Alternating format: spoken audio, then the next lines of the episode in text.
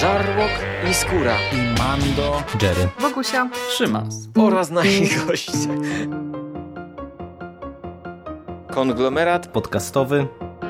Wasze ulubione podcasty w jednym miejscu.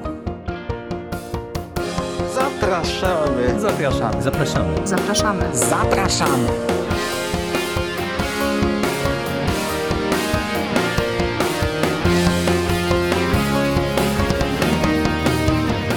Witam w konglomeracie podcastowym, czyli na platformie, która zbiera wszystkie Wasze ulubione podcasty w jednym miejscu. Po tej stronie mikrofonu wita się z Wami Szymon Szymaś-Cieśliński. Cześć wszystkim. I dzisiaj opowiem Wam o pewnym bohaterze, który w połowie ubiegłego roku pojawił się na polskiej scenie komiksowej. Jest to nowy superbohater, po nieustraszonym szpaku i białym orle przyszedł czas na Cypriana Leopolda Różewicza w kostiumie ćmy. Porozmawiamy dzisiaj o komiksie Ćma, o jego zeszycie pierwszym i drugim. Ćma to projekt komiksowy ze scenariuszem Tomasza Grodeckiego i rysunkami Rafała Bąkowicza oraz z gościnnym występem Rafy Jankowskiego w czwartym epizodzie właśnie w roli rysownika. Jest to komiks, który ukazuje się w zeszytach. Od jakiegoś czasu na polskim rynku pojawiają się zeszyty. Tym razem są to dosyć cieniutkie publikacje, bo zawierają zaledwie 24 strony na zeszyt. Są dostępne w cenie 15 zł i co ciekawe to nie są ziny, tylko jest to komiks wydawany przez Timofa. E, obecnie ukazały się te dwa tomy. E, czekamy na jakąś tam kontynuację. I każdy zeszyt jeszcze opowiada dwie krótkie historie oraz ma zajawkę trzeciej, e, więc są to opowieści bardzo krótkie, skromne objętościowo i całość została wydana w czerni i bieli. Jeżeli chodzi o to, jak te chcę powiedzieć albumy, tak cały czas myślę tomy, albumy e, z przyzwyczajenia e, z dotychczasowych podcastów różnych komiksowych, ale nie, to są zeszyty. No jak one się prezentują tak od strony materialnej? Całkiem ok. Ten pierwszy wygląda trochę zinowo, ma taką matową, e, miękką okładkę. Ona jest tak delikatnie niewyraźna, bardziej przypomina właśnie e, obraz, e, właśnie obraz, tak, e, dzieło malarza, ale jest klimatyczna i pasuje do, do tego komiksu, myślę. Drugi zeszyt ma już okładkę usztywnioną, nabłyszczoną i w związku z tym wygląda troszkę ładniej, tak na pierwszy rzut oka i no lepiej leży w dłoni, ale jednocześnie ta nabłyszczana okładka strasznie zbiera ślady po palcach więc e, no jeżeli jesteście e, fanatykami tutaj w kontekście komiksów i ich czystości, e, to zaopatrzcie się lepiej od razu w jakąś folijkę, jakąś okładkę ochronną, bo no ja się trochę przeraziłem, gdy spojrzałem na ten komiks po lekturze. No ale dobra, no, nie oceniamy komiksu po okładce, co czeka nas w środku. Tak jak powiedziałem, w każdym zeszycie mamy dwie historie i teraz krótko Was przez nie przeprowadzę. Co też istotne, w sumie na wstępie muszę o tym powiedzieć, jest to komiks rozgrywający się, e, jak sami autorzy tutaj sugerują, w retrofuturystycznej Warszawie czasów międzywojnia. Pierwszy zeszyt otwiera jedynka z gazety, wiecie, no pierwsza strona gazety z 24 czerwca 1926 roku. Jest to gazeta o tytule Poczytnik Warszawski i jest takim trochę easter eggiem, e, czymś podobnym do tego, co ekipa od Rzeźzina e, dodała do swojego komiksu, czyli mamy trochę nawiązań do powiedzmy prasy z epoki, a trochę takich żarcików i mrugnięć oka e, do widza, do czytelnika, no i też trochę budowę lore mamy, bo te, te artykuliki krótkie, e, które tutaj widzimy, nawiązują też częściowo do głównego bohatera, świata przedstawionego i tego, o czym będziemy czytać. E, następnie rozpoczyna się epizod pierwszy z tytułem Stacja kolejowa. Ma on w sumie 9 stron i zobaczymy tutaj od razu ćmę w akcji. Na szczęście, ja widziałem, że niektórzy w internecie w recenzjach się tego czepiali, ale moim zdaniem e, niesłusznie. Na szczęście, e, w mojej opinii, Tomasz Grodecki zdecydował się wrzucić nas powiedzmy na głęboką wodę, to znaczy, no może bez przesady, nie tyle wrzucić nas na głęboką wodę, co od razu wprowadzić e, właśnie w wir akcji. Mamy Złola, który uprowadził pociąg, a Ćma nasz główny bohater, uprawiając auto-coaching w stylu memowego, ale noirowego Paulo Coelho, pędzi przez kolejne wagony, walczy z gangsterami i w końcu stawia czoła ich szefowi. Tutaj warto zaznaczyć, że ćma jest, e, on jest wzorowany na Moon Knightie, e, tak wizualnie e, i działa nocą. Jednocześnie jest bohaterem bez supermocy prawdopodobnie, raczej stawia na gdzieś tam własną sprawność fizyczną i gadżety, które pomagają mu zwalczać no, przestępców. No i jest w związku z tym taką postacią jednak bardziej przyziemną, takim Batmanem, już nawet nie wiem z której epoki, no ale takim dawnym Batmanem, takiego, którego dawno w sumie chyba w komiksach nie widzieliśmy. I e, właśnie jest palpowo. E, to jest całkiem niezłe otwarcie, bo mm, ukierunkowuje nasze oczekiwania względem e, kolejnych historii, dalszych losów ćmy. Jest palpowo, mamy pościg, strzały, gadżety, monolog na zasadzie jestem artystą, wojownikiem, poetą dusz. E, w innej tam scence bohater rzuca tekst Noc jest moją towarzyszką. Wiecie, to jest suche e, i kampowe, ale pasuje do tego komiksu, tak? E, właśnie do takiego noirowej, do takiej noirowej pulpy. To pasuje, jest fajnie podzielone na kadry, ta narracja jest całkiem przyjemna. Niestety finałowe starcie trochę zawodzi, bo mm, nie wiem, no mamy coś, co nie jest do końca Deus Ex Machiną, ale właśnie wiecie, pstryk i po sprawie. To mi się trochę nie podobało, ale samo wrzucenie mnie w wir akcji, e, w wir wydarzeń e, doceniam. To jest dużo lepsze od nudnej genezy. A ten auto-coaching, e, chociaż może to nie brzmi atrakcyjnie, to wiecie, w trakcie takiej palpowej walki to nie boli. To nie jest to samo, co jakieś mdłe przemyślenia, gdy bohater wstaje, myje zęby, jedzie do pracy. Nie, tutaj to wszystko towarzyszy jednak akcji i w związku z tym jest całkowicie do przełknięcia. No i dochodzimy do drugiej historii. Kolejne dziewięć stron to epizod selfie trumienne. I tym razem warszawiacy używający telefonów komórkowych zamieniają się w zombie, a nasz główny bohater musi rozwikłać sprawę tego, jak do tego doszło. E, oczywiście to nie jest przypadek, e, za tą apokalipsą stoi jakaś tajna organizacja widmo, Ćma ponownie raczy nas przemyśleniami takiego noirowego bohatera. E, trochę zęby trzeszczą, ale jest klimatycznie. E, czytamy, że kocha tę robotę e, oraz, że nienawidzi tej roboty i w końcu dochodzi do konfrontacji ze złolami i znowu dzieje się to nagle. tak? Pstryknięcie palcami, boom i po sprawie. Epizod trzeci to Hotel Rubicon. No i jak już być może wiecie, Hotel Rubicon to także podtytuł drugiego tomu, znaczy nie tomu, zeszytu. I o co chodzi?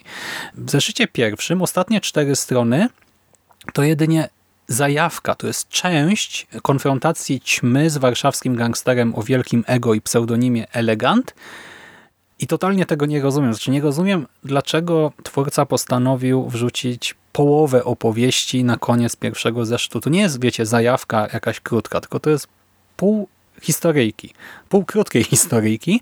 I drugi zeszyt, ten z pod tytułem Hotel Rubicon, on jest podobnie skonstruowany, czyli na początku dostajemy stronę z gazety, tym razem e, tam wydanej niby kilka miesięcy później, to jest 21 października 1926 roku, Znowu troszkę mrugnięć okiem do widza, e, troszkę humorku, e, troszkę klimatu z epoki, bardzo spoko. No i potem dostajemy ponownie te same cztery strony, które znamy z pierwszego zeszytu oraz pięć kolejnych, bo cała historia zamyka się w stronach dziewięciu. I właśnie od strony takiej logistyki dystrybucji tego komiksu, znaczy nie dystrybucji, tylko no właśnie nie wiem, składu tego komiksu.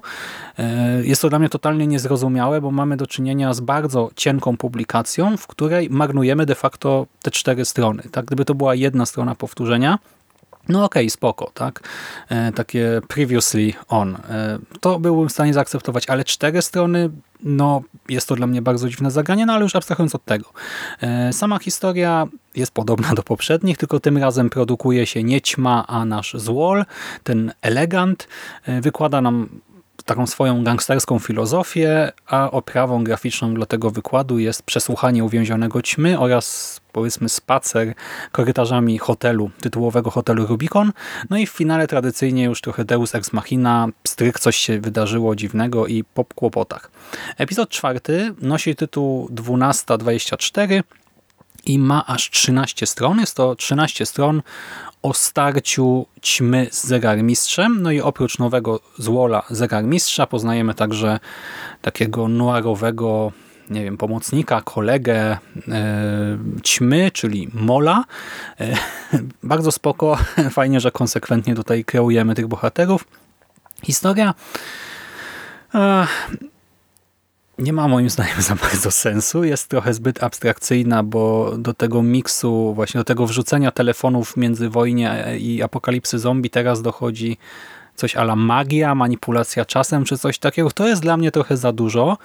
E, zaczyna mi się ten komiks troszkę rozłazić, rozlewać, tak nie wiem w końcu jakiego klimatu po nim oczekiwać ostatecznie, no ale jednocześnie no, jest palpowo, jest troszkę i wizualnie, znaczy wizualnie nawet bardzo mocno mamy nawiązanie do Sin City, fabularnie, no to też właśnie tam, wiecie, zmagania z jakimś świrusem, więc okej, okay, też pasuje.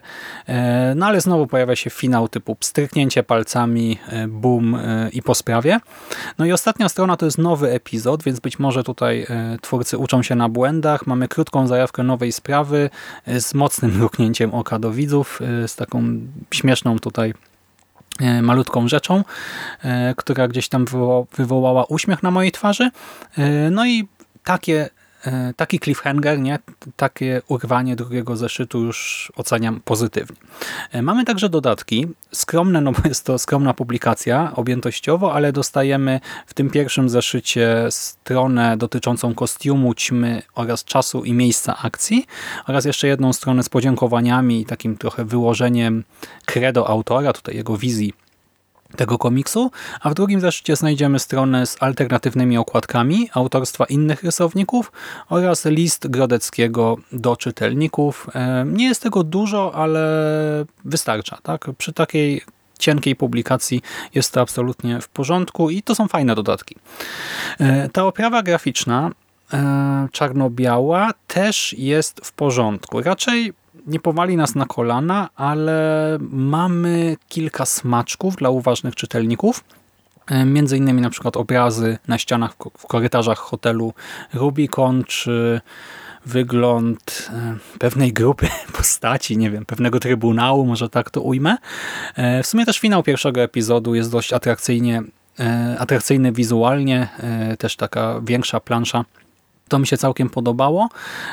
Sam Bon Kowicz jako rysownik e, no, zrobił na mnie dobre wrażenie. W drugim zeszycie też trochę się bawi narracją bardziej chyba e, i chociaż w gruncie rzeczy on prezentuje czynności banalne e, często, no nie wiem, bohater idzie po prostu przez jakąś przestrzeń.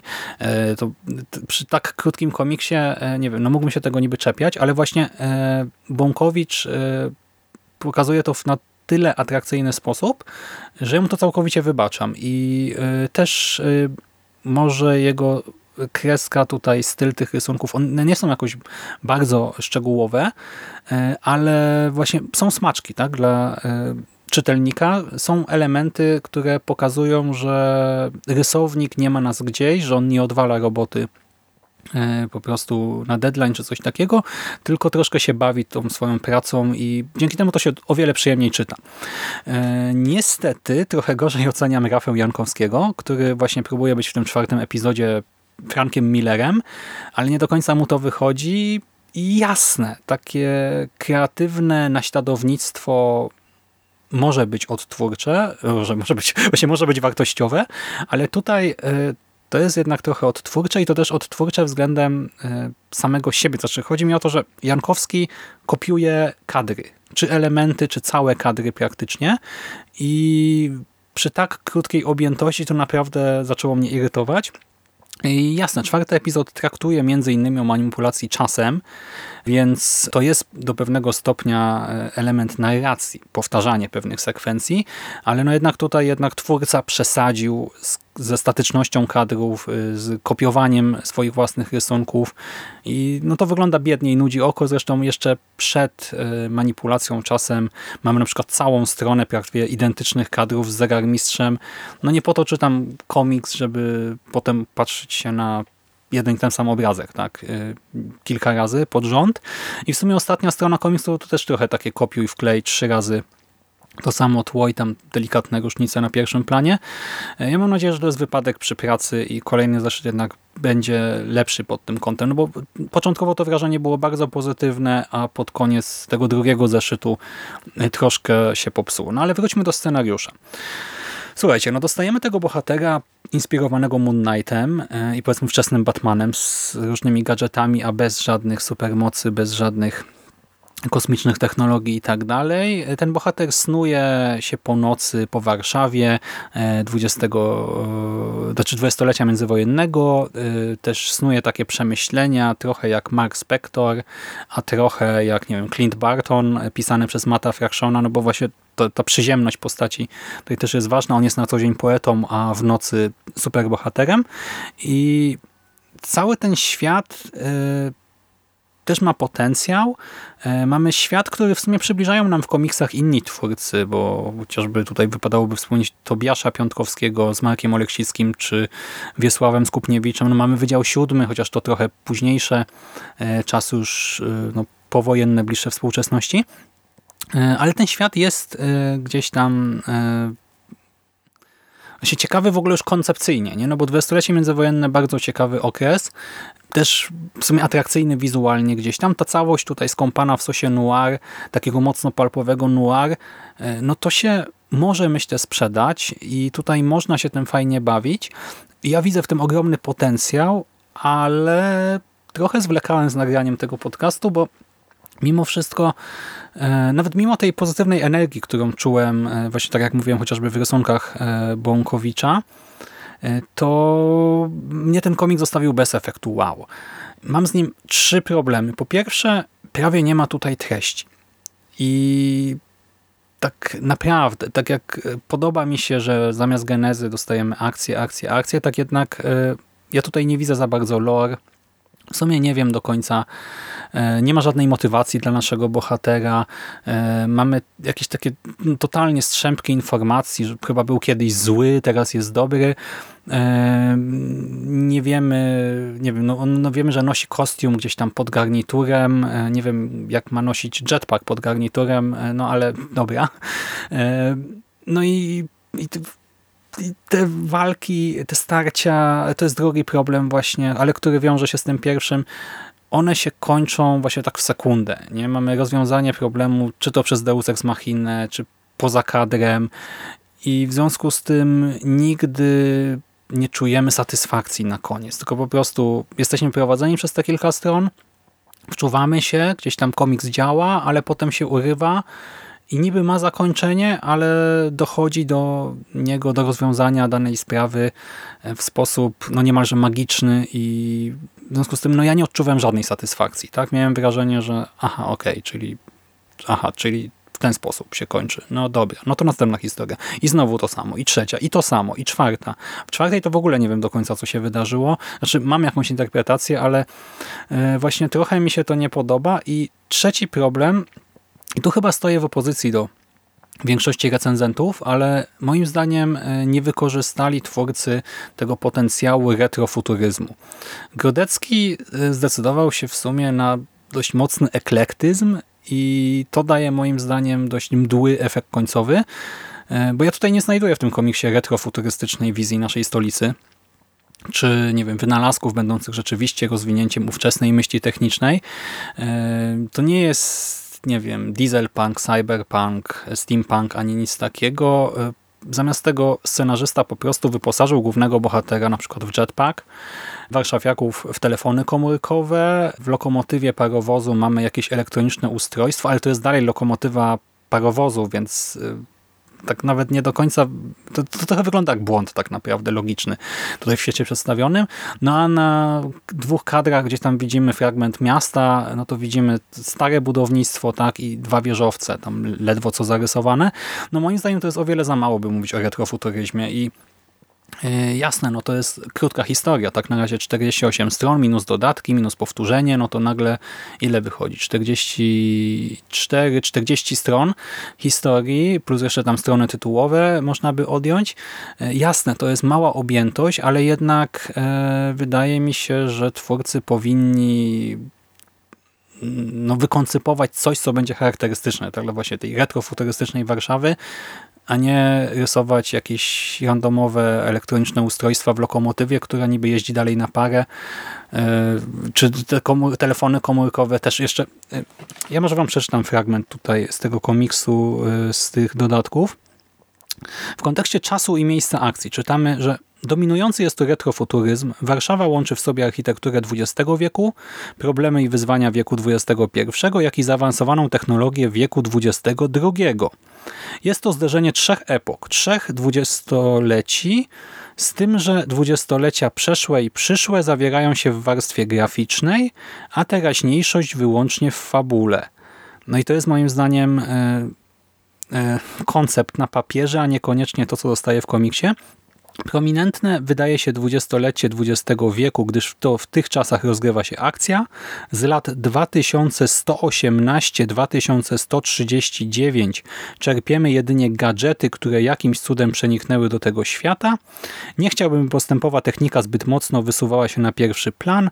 Musi ona współgrać z wiekiem XX. No w jaki sposób współgra, to ja nie wiem. No, elektronika w parowozie w naturalny sposób wkomponować się w otoczenie, wręcz z nim integrować. No to, to są te dwa wieżowce na tle e, miasta, no i te telefony komórkowe z, z XXI wieku.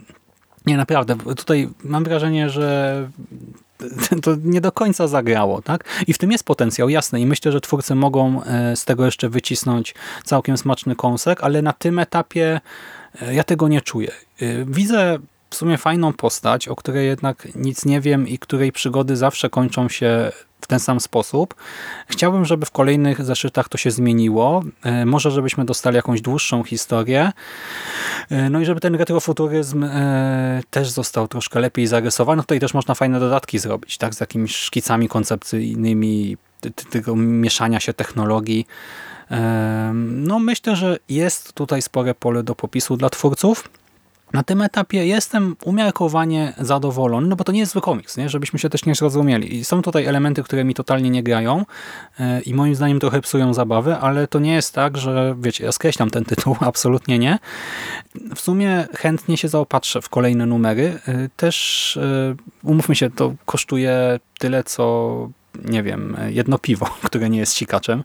15 zł za te 24 strony to nie jest wielki wydatek, chociaż widziałem na gildii na przykład e, hejterskie komentarze, że ćma jest droższa od kapitana Żbika. E, No i, i powiem wam, że trochę w ogóle hejtu e, takiego dziwnego napotkałem przez ten komiks, e, bo właśnie po pierwsze straszne pociski, że ten komiks jest potwornie drogi, jak jeszcze na czarno-biały, e, czar- czarno-białą publikację, że w ogóle 15 zł to skandal. E, No naprawdę 15 zł w 2023 roku to kurczę litr coli i paczka chipsów więcej zapłacimy e, w żabce. Tak, tak jak mówię, jedno piwo więcej kosztuje, jeżeli to nie jest jakiś harnaś czy tatra. E, No już nie popadajmy w paranoję, a druga rzecz, e, jak już o tym mówię, która mnie trochę uderzyła, to to, że jakiś geniusz stwierdził, że właśnie ćma to jest po prostu podróbka Moon Knighta, a Wydział Siódmy to podróbka BBPO. Jakiś e, taki, wiecie, hejter z zamiłowania polskich komiksów, bo widziałem, że miał więcej negatywnych komentarzy gdzieś tam na gildii. E, no cóż, no, musi mieć smutne życie. Ale wracając do ćmy, cóż, no mam nadzieję, że autor się nie obrazi za moje krytyczne uwagi i że kolejne zeszyty będą po prostu lepsze. Tak jak tutaj y, też powiedziałem, tak wydaje mi się, że sami twórcy stwierdzili, że przegięli z tymi czterema stronami na przykład zajawki y, w pierwszym zeszycie, więc w drugim już zostawili tylko jednostronicową zajawkę i cliffhanger, E, więc jest to dla mnie spory krok naprzód. Y, W kontekście rysunków no trochę krok wstecz. W kontekście fabuły no to jest chyba w miarę stały poziom. Trochę za dużo jest już tych wątków y, takich z różnych bajek. Za dużo grzybów w jednym barszczu. Wolałbym y, tak troszkę to uporządkować już na tym etapie. E, No ale tak czy jak za projekt trzymam kciuki i zachęcam, żeby się z tym zapoznać. Tak? To jest ciekawostka. To też jest dużo lepsze moim zdaniem od Białego Orła na przykład. Ja w ogóle nie jestem fanem e, czy to Białego Orła, czy tych żołnierzy wyklętych Kijuca. E, Nieustraszonego szpaka akurat nie miałem w rękach. No a tutaj właśnie pojawia się ćma i mimo wielu uwag, sorry, myślę, że warto gdzieś tam ten projekt śledzić i fajnie by było, gdyby kiedyś powstało coś większego, jakaś dłuższa e, historia z tym bohaterem. Tą myślą zakończę, tym życzeniem właściwie. Dziękuję Wam za uwagę. Jeżeli kojarzycie ćmę, no to podzielcie się wrażeniami w komentarzach, chętnie podyskutuję z Wami. A na dziś to już wszystko. Trzymajcie się ciepło i do następnego razu. Hej!